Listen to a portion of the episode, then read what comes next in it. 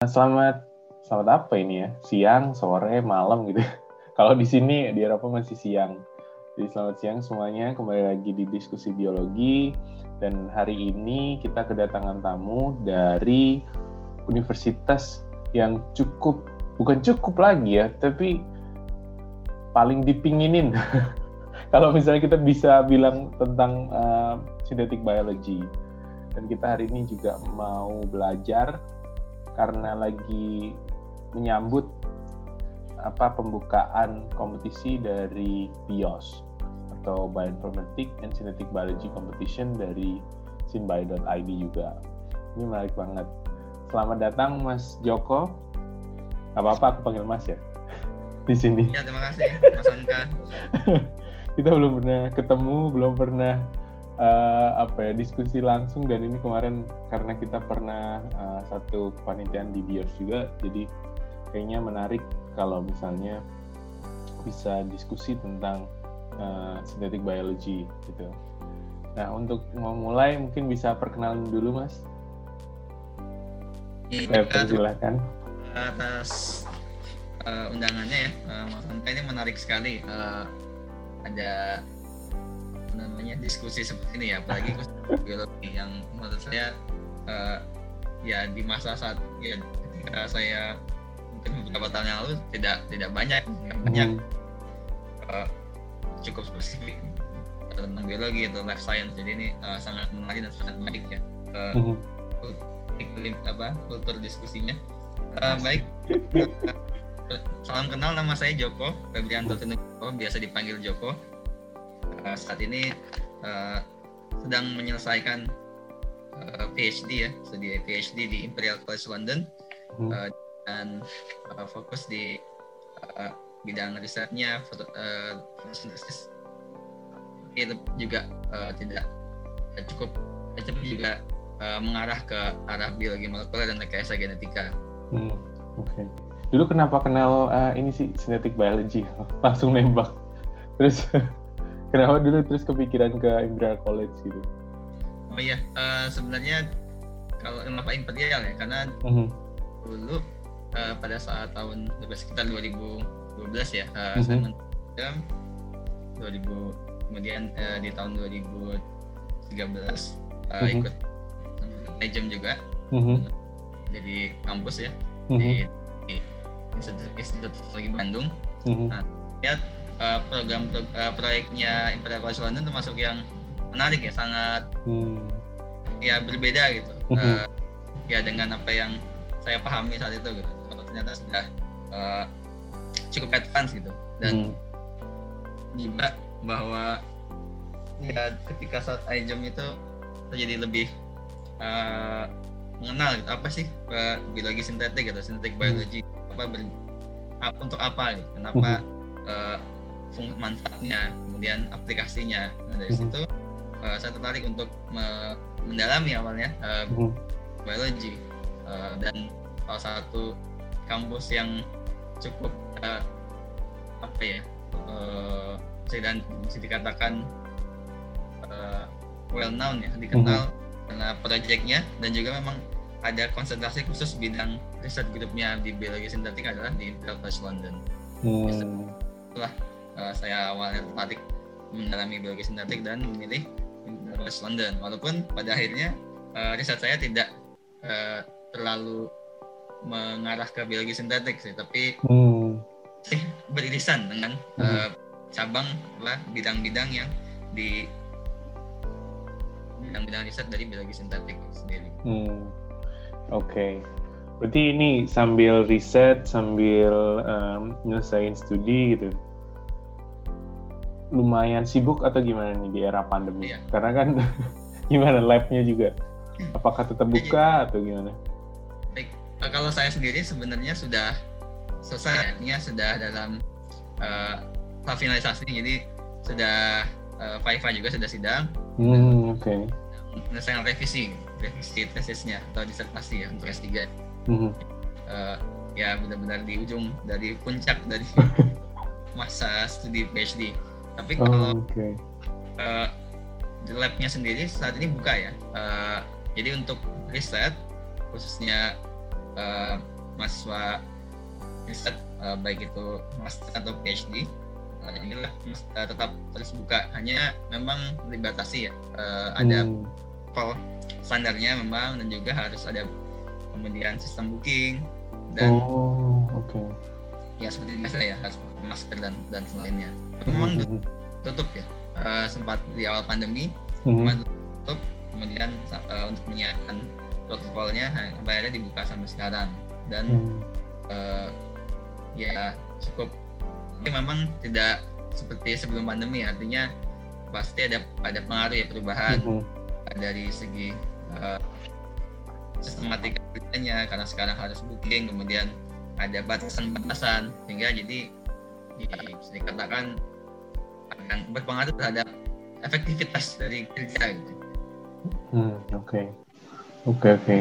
Jadi sebenarnya berpengaruh tapi ya mau gimana lagi gitu ya yeah. ini udah, udah di mana-mana tapi untungnya udah selesai jadi enak sih pokoknya yeah. kalau udah udah nggak banyak harus ke lab itu kayaknya udah udah lumayan lah ya ya Tinggal... karena base itu ada uh, utamanya ujung tombaknya riset ya iya benar ya, lab base ya jadi uh -huh. uh, ya tidak datanya memang harus diambil dari riset di lab hmm. oke okay. Oke, menarik. Nah, sekarang kita balik ke topik biologi sintetik. Tadi udah cerita ya uh, tentang dulu pertama kali ikut ICEM. Dua kali berarti ya ICEM ya? Uh, iya, saya yang pertama sebagai uh, partisipan ya. Hmm. Uh, sebagai instruktur. Oh, oke. Okay. Nah, mungkin bisa di-share nggak, Jo?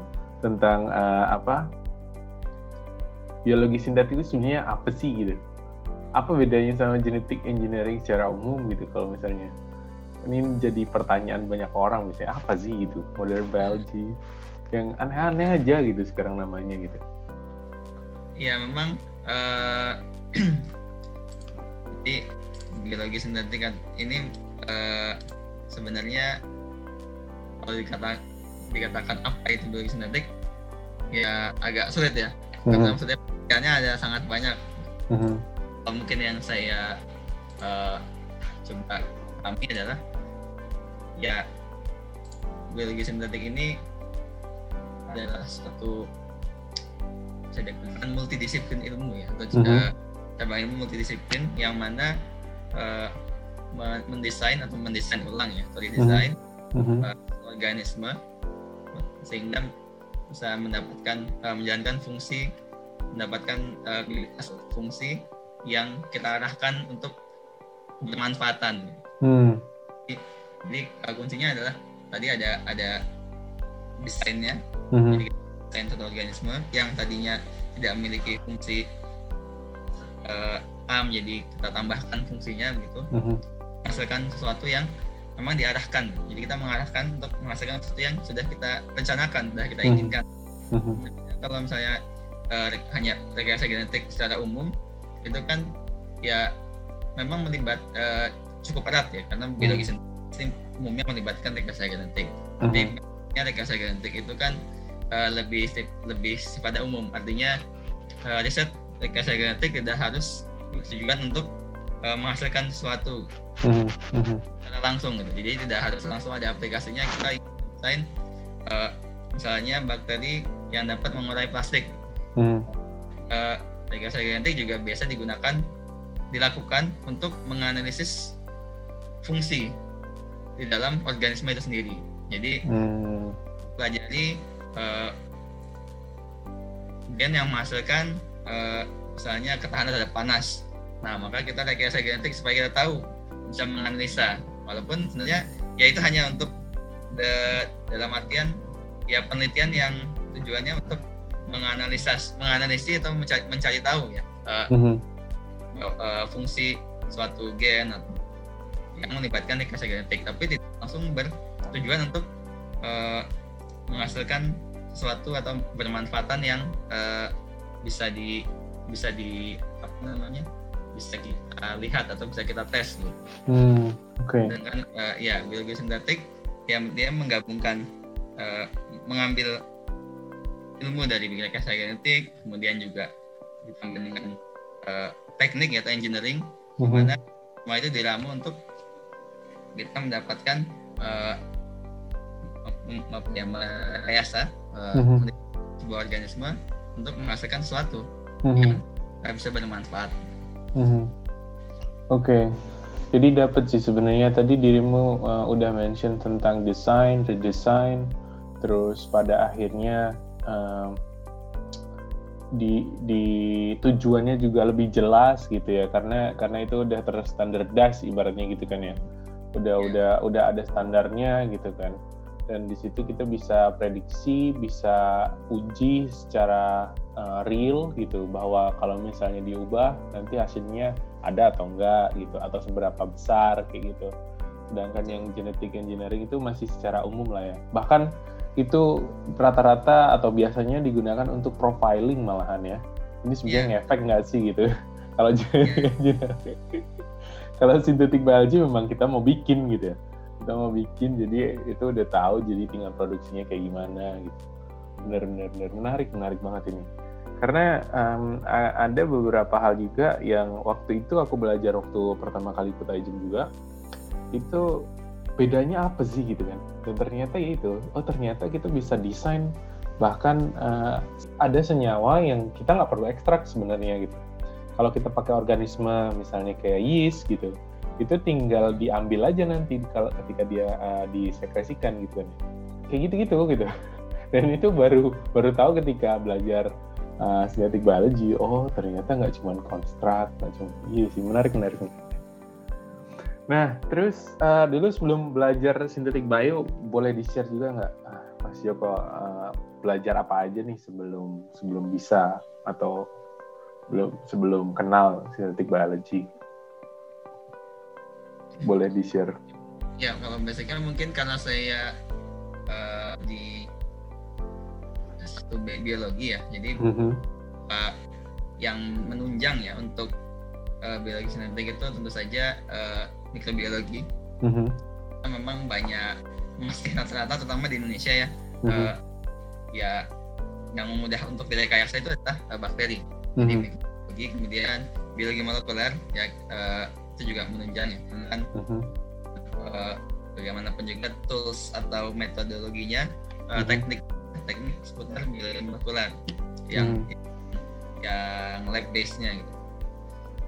Tuh. kemudian uh, mungkin ya seputar secara umum ya biokimia hmm. ya, tiga itu ya uh, hmm. yang akan coba apa namanya uh, ilmu atau pengantar yang akan menunjang gitu ya untuk memudahkan hmm. ini uh, terkait dengan biologi uh, uh, biologi sintetik walaupun tidak tidak kemungkinan ya misalnya dari engineering atau dari computer science juga bisa mm -hmm.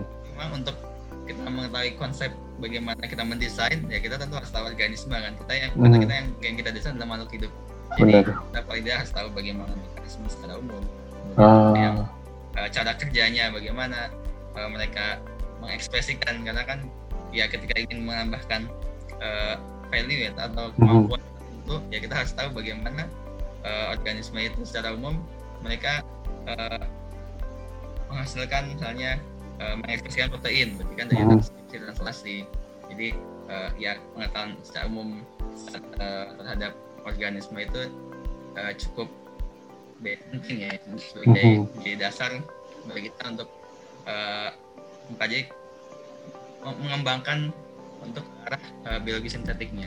Mm-hmm. Oke. Okay. Oke okay, oke, okay. berarti tiga tadi ya ada dimension pertama mikrobiologi, terus molecular biology, terus ada biochemistry. Yeah. Ya menarik sih itu. Uh, tiga fundamental yang paling nggak ngerti dulu lah itu ya. Kalau yeah. ngerti itu masuk ke sintetik biology gampang banget nanti tinggal oh yang dimaksud ini itu gitu ya. Lebih aplikatif gitu ya uh, bidangnya sebenarnya sintetik bio ini. Iya betul betul karena ya karena kan uh, arahnya memang lebih ke implementasi ya. Hmm. Hmm, Oke. Okay. Nah Mungkin boleh cerita juga Mas Joko uh, terkait riset-riset yang sedang dilakukan gitu. Tadi ada ada sempat mention yang beririsan gitu ya antara bidang uh, synthetic bio sama yang pernah itu bisa bisa diceritain dan mungkin bisa mention juga hal yang seru gitu. Maksudnya yang yang seru bisa menyedihkan. Misalnya eksperimen gagal itu kan seru juga tapi menyedihkan ya atau ada ada ada hasil yang unexpected gitu. Yang wah ini didesain kayak gini kok keluarnya malah seperti ini gitu. Dan positif hasilnya bagus gitu. Itu ada nggak eh, pengalaman kayak gitu? Boleh diceritain kalau misalnya ada. Uh, pengalaman nih kalau uh mm-hmm. Untuk ya mungkin kalau di saat saat dulu di agent ya mm-hmm. sedikit ya kan uh, ya tim tim kami itu mengembangkan mendesain bakteri uh, yang dapat jadi E. coli ya E. coli mm-hmm. yang dapat menguraikan plastik ya, sama plastik BT ya jadi memang ini sebenarnya cukup banyak ya uh, mm-hmm. seperti ini karena ya kita tahu uh, plastik ini menjadi masalah yeah. dan uh, sebenarnya konsepnya cukup sederhana ya jadi bagaimana uh, kami mengambil apa namanya ya kons uh, suatu gen yang mm-hmm. memang uh, uh, di sudah terbukti dapat menguraikan uh, senyawa PET ya mm-hmm. PET menjadi uh, ethylene glycol mm-hmm. nah cuma memang uh, ada menariknya adalah saat uh, melakukan konstrak ternyata kita baru tahu di di akhir kalau ada sedikit mutasi gitu. Ternyata konslak yang dihasilkan ada ada mutasinya. Oh. Jadi, kalau tidak salah ada saya lupa apakah insertion atau ada ada insersi atau delesi. Oh. Nah, tapi alhamdulillah ternyata masih masih uh, ber, bisa berfungsi gitu. Oh gitu. Oh jadi ada mutasinya tapi tetap masih bisa. Ini menarik sih. Oh ya. sampai segitunya. Jadi hmm. walaupun uh, ya kalau dari hasil pengamatan memang uh, ya terlihat ini ya ada ada ada hasil degradasinya gitu. Uh-huh. Jadi, uh, sehingga ya saat itu uh, kami baru tahu ketika sudah sudah di akhir ya ternyata ada ini ada ada ada mutasinya sehingga hmm. oleh uh, okay. dari uh, tugas akhir ya untuk uh-huh. di di apa namanya di revisi ulang bukan mutasi ulang di, diperbaiki uh-huh, uh-huh, Jadi di sini masuk uh, malah menarik mungkin ya uh-huh. di, di, kalau untuk yang sekarang uh, saya lebih uh, agak lebih spesifik ya uh-huh. jadi bagaimana uh, mencoba untuk uh, mencari uh, mengaplikasi apa ya menemu uh, mengimplementasikan satu strategi untuk meningkatkan fotosintesis. Hmm, ya ya ya. Satunya adalah dengan um, uh, mendesain uh, uh -huh. supaya uh, organisme yang fotosintetik, misalnya uh -huh. bakteri agar dapat uh, memanfaatkan uh, cahaya ya, uh, cahaya yang uh, melebihi dari batas gitu. Hmm. Yang biasanya merah, nah kan uh -huh misalnya nah coba kita bisa memanfaatkan uh, panjang apa cahaya yang uh, cahaya merah jauh ya atau violet light. Hmm oke. Okay. Jadi sekarang justru masuk ke sistem yang lebih kompleks sebenarnya fotosintesis gitu, biar lebih optimal. Wah menarik sih. Ini advance banget kayak.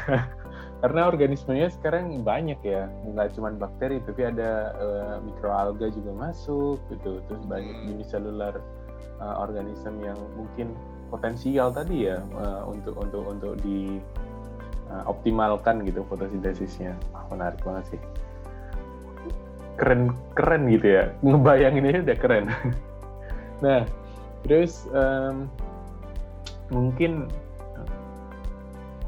ada keinginan gitu nggak uh, Mas Joko? Kalau misalnya uh, lagi riset atau waktu uh, ngebayangin tentang sintetik biologi sendiri gitu project atau bidang yang ingin dikolaborasikan gitu ada nggak sih? Kayak uh, banyak hal yang kepikir kayaknya sebenarnya kalau synthetic biology ini lebih gampang kalau ada teman-teman dari uh, orang matematika deh gitu atau teman-teman yang belajar tentang computer science deh atau belajar tentang teknik kimia deh gitu.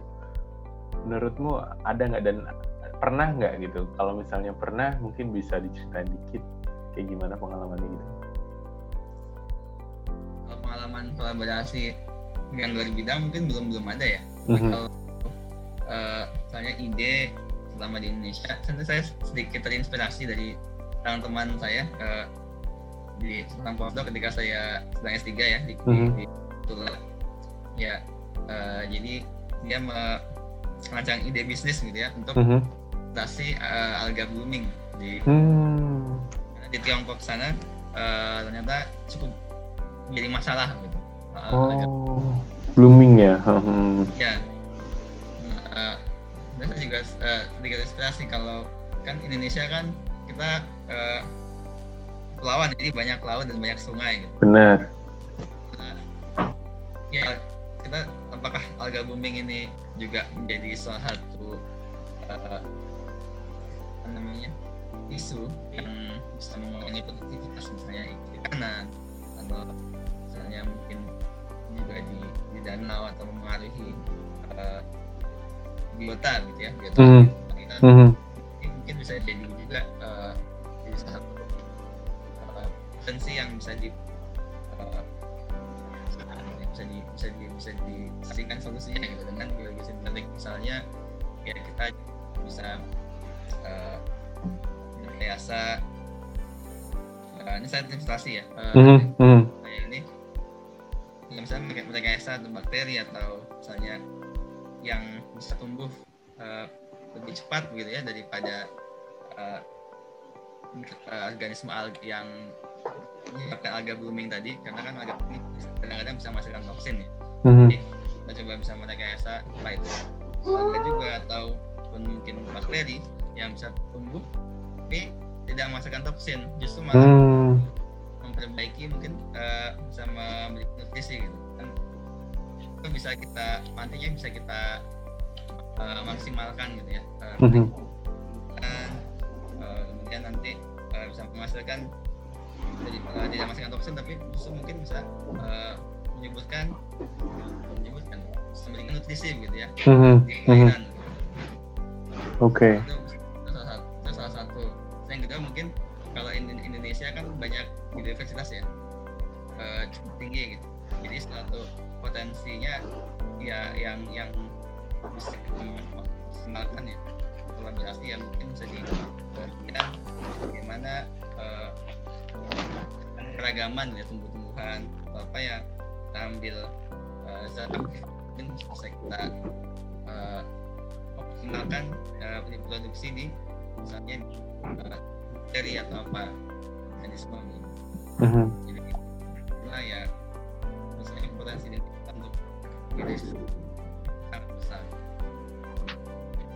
Ah, oke. Okay. Wah menarik banget. Jadi contohnya tadi ada yang langsung aplikatif ya jadi alga blooming terus uh, sampai sampai desainnya idenya udah itu banyak banget sih yang bisa in touch kayak dari aquaculture dari uh, teman-teman mungkin dari kimia gitu juga ya kalau misalnya udah skalanya udah besar hmm. dan bisnis tadi ya entrepreneur entrepreneurs gitu ya yang yang yang tahu peluang sebenarnya pada hmm. akhirnya keren sih ya ya ya oke okay. nah sebenarnya pertanyaannya udah habis dari yang di list cuman aku mau uh, tanya juga mumpung sekarang lagi happening tentang bios nih ya jadi Mas Joko ini salah satu judge tahun lalu uh, yang menilai tentang proyek-proyek yang ada di bios nah menurut Mas Joko gimana nih? Kompetisi ini kayak gimana sih sebenarnya? Terus pengalaman waktu ngejudge itu gimana? Tahu kalau uh, teman-teman sekarang uh, berkompetisi kerana yang sebenarnya dulu kita juga sama gitu ya. Cuman sekarang mungkin agak sedikit beda atmosfernya dengan ada yang pandemi, terus adanya uh, apa ya uh, kemajuan teknologi dan uh, sains sendiri gitu. Sekarang lebih advance gitu. Menurutmu gimana? Ya, yang uh, menurut saya bios itu salah, salah satu ya kompetisi yang menarik ya dalam artian ya menurut saya tidak banyak gitu ya uh, kompetisi yang sangat spesifik di bidang biologi terutama lagi biologi sintetik. Di Indonesia ya khususnya di ini kan di, khusus di Indonesia ya. Iya yeah, benar. saya melihat bios kemarin itu sebagai uh, semacam uh, regional gitu. jadi iGEM tapi uh, dibuat untuk uh, dengan ya uh, mm-hmm. Indonesia. Ya ide-idenya ya uh, karena dari orang Indonesia dari mahasiswa-mahasiswa Indonesia. Jadi ide-idenya sangat dengan uh, kearifan-kearifan lokal gitu dengan mm -hmm. bagaimana potensi biodiversitas dan potensi biologi sintetik di Indonesia. Oh oke. Okay. Uh, uh, dan wala walaupun uh, kondisinya kemarin pandemi gitu ya, mm -hmm. melihat banyak sekali ide-ide yang kemudian misalnya ada yang membuat vaksin ya dengan teknologi RNA yang yang menurut saya saya itu kalau saya uh, di masa mereka mungkin saya kan untuk ide seperti itu ya. Iya. Sangat basic mm-hmm. kemudian ya dengan apa uh, pemodelan uh, misalnya misalnya obat gitu ya obat ya efektif terhadap corona mm-hmm. COVID-19 tapi ya dengan metode apa namanya pendekatan yang uh, cukup advance gitu jadi saya sangat uh, kagum ya dengan selama ini masih uh, karena pesertanya mayoritas masih uh, S1 ya. Sebetulnya masih S1 kan. Jadi saya sangat uh, kagum gitu dengan ide yang diberi dihasilkan. Kemudian juga uh, sama timnya gitu kolaborasinya dengan dan melibatkan tidak hanya satu uh, satu jurusan ya. Tapi bisa lihat yang biologi kemudian dengan ilmu komputer gitu. ya inilah hmm. harusnya uh, riset kita ke depan ya atau hmm. ya dalam artian ya kalau kita hanya mengandalkan satu bidang ilmu saja misalnya satu hanya mau riset dari bidang lain nah itu kita akan uh, sulit untuk berkembang gitu ya. Hmm, oke. Okay.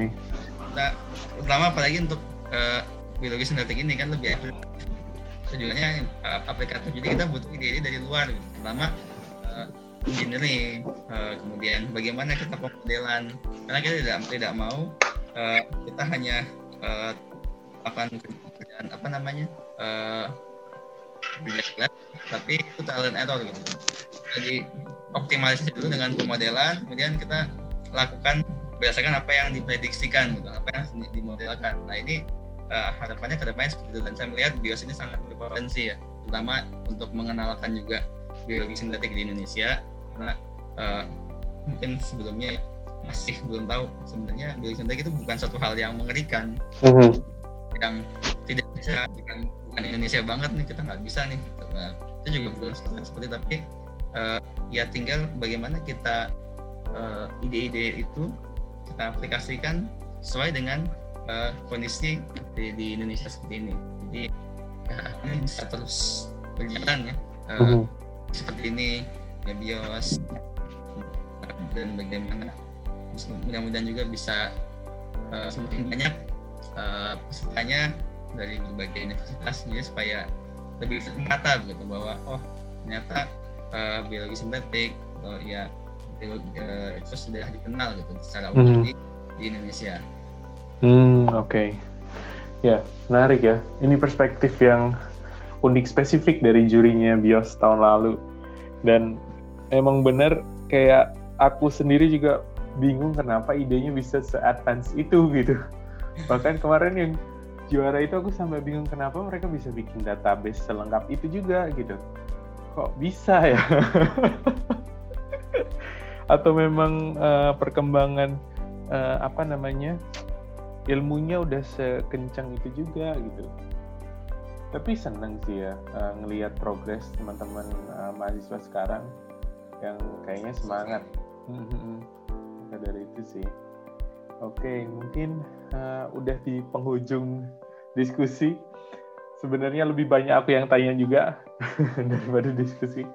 Tapi uh, mungkin ada semacam uh, statement, closing statement, atau yang mau di-share di teman-teman pendengar diskusi biologi dari Mas Joko?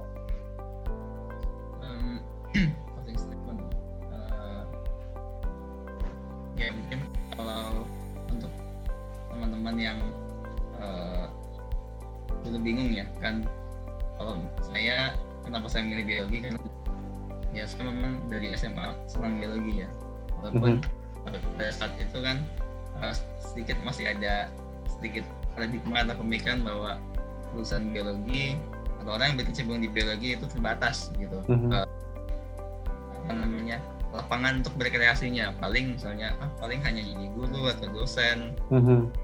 paling mentok mungkin di lembaga riset tertentu begitu ya, yang spesifik mm-hmm. jadi uh, ya saat sekarang ini tidak seperti itu gitu. saya melihat ya justru peluangnya sangat terbuka lebar dan bahkan ya banyak sekarang startup biotek startup biologi. Iya benar banget.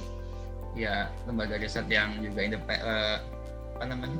Mandiri gitu ya. Mm-hmm. uh, jadi, jadi sangat banyak peluang. Dan memang era era sekarang ya abad 21 ini ya arah uh, uh, kolaborasi misalnya biologi dengan sains data science kemudian biologi sintetik bioteknologi ya ini uh, sekarang ada eranya gitu. Jadi uh, untuk teman-teman yang masih ragu gitu kenapa uh, saya masih ragu nih kalau saya nanti biologi saya bingung nanti mau uh, bekerja misalnya kerja di mana kemudian mau kerja di mana. Uh, jangan takut karena ya peluangnya sangat banyak. Mm -hmm. yang penting adalah uh, ya kita tahu potensi kita gitu ya mengenali diri kita gitu memang. Dan kita harus uh, ya menyukai gitu ya menyukai bahwa ya di sini ada ada ada peluang mm-hmm. untuk berbuat dengan biologi karena ya termasuk termasuk yang juga mesti berpikir gitu ya kan nanti ya seperti apa tapi ternyata uh, ya peluangnya besar mm-hmm. jadi tidak tidak harus uh, tidak harus misalnya hanya bisa jadi guru saja tapi juga banyak mm -hmm. peluang lain yang bisa di manfaatkan itu juga bisa uh, bisnis sekarang ya -hmm. Industri uh, berbasis biotek biologi atau bioteknologi. Jadi memang uh, sangat besar prospeknya. Hmm.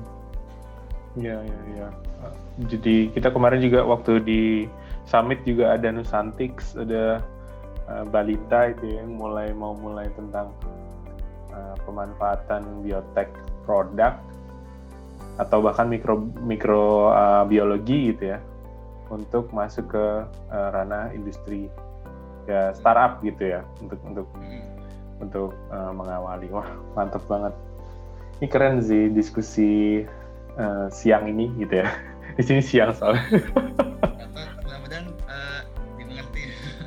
Iya karena masih sangat jarang ya bisa dibilang. Mungkin cuma ada satu atau dua fakultas gitu yang eh, di Indonesia yang bar, mengintroduksi gitu ya atau me, apa ya menyediakan tentang uh, synthetic biology ini gitu. Jadi uh, teman-teman mahasiswa masih bingung sebenarnya mungkin ini apa sih gitu. Jadi makanya ini salah satu uh, channel atau salah satu kanal yang mungkin bisa difasilitasi sama teman-teman yang ada di BIOS juga gitu atau sinbio.id gitu ya. Oke, menarik. Uh, terima kasih banyak, Mas Joko. Semoga lancar uh, apa namanya revisinya ya. Udah FIFA juga, berarti udah udah aman lah. Tinggal revisinya aja. Terus uh, nanti lancar uh, publikasinya juga. Semoga setelah ini, setelah PhD, rencananya tadi bisnis itu atau uh, balik ke kampus atau masuk industri yang masih belum tahu nih? Dicoba lihat peluang nanti ya. Lihat oh oke oke eh, oke. Ya di salah satu di Indonesia nanti mm -hmm. lihat siapa yang uh, mau menerima saya. siapa yang nggak mau menerima nih lulusan uh, ICL? Kayaknya udah pada siap itu menampung. Udah udah terbuka tangannya tapi ya uh, good luck lah ya best of luck buat uh, dirimu Terus uh, jangan kapok nanti juga uh, ini ya, jadi judge lagi mungkin tahun siap, ini. Siap. Boleh, Semoga boleh. bisa ikut meramaikan uh, Bios lagi 2021. Ya, semoga lebih baik lah Biosnya. Amin, amin, amin. Oke, gitu aja. Uh, terima kasih yang udah mau dengerin untuk sore ini. Sampai jumpa di edisi diskusi biologi selanjutnya.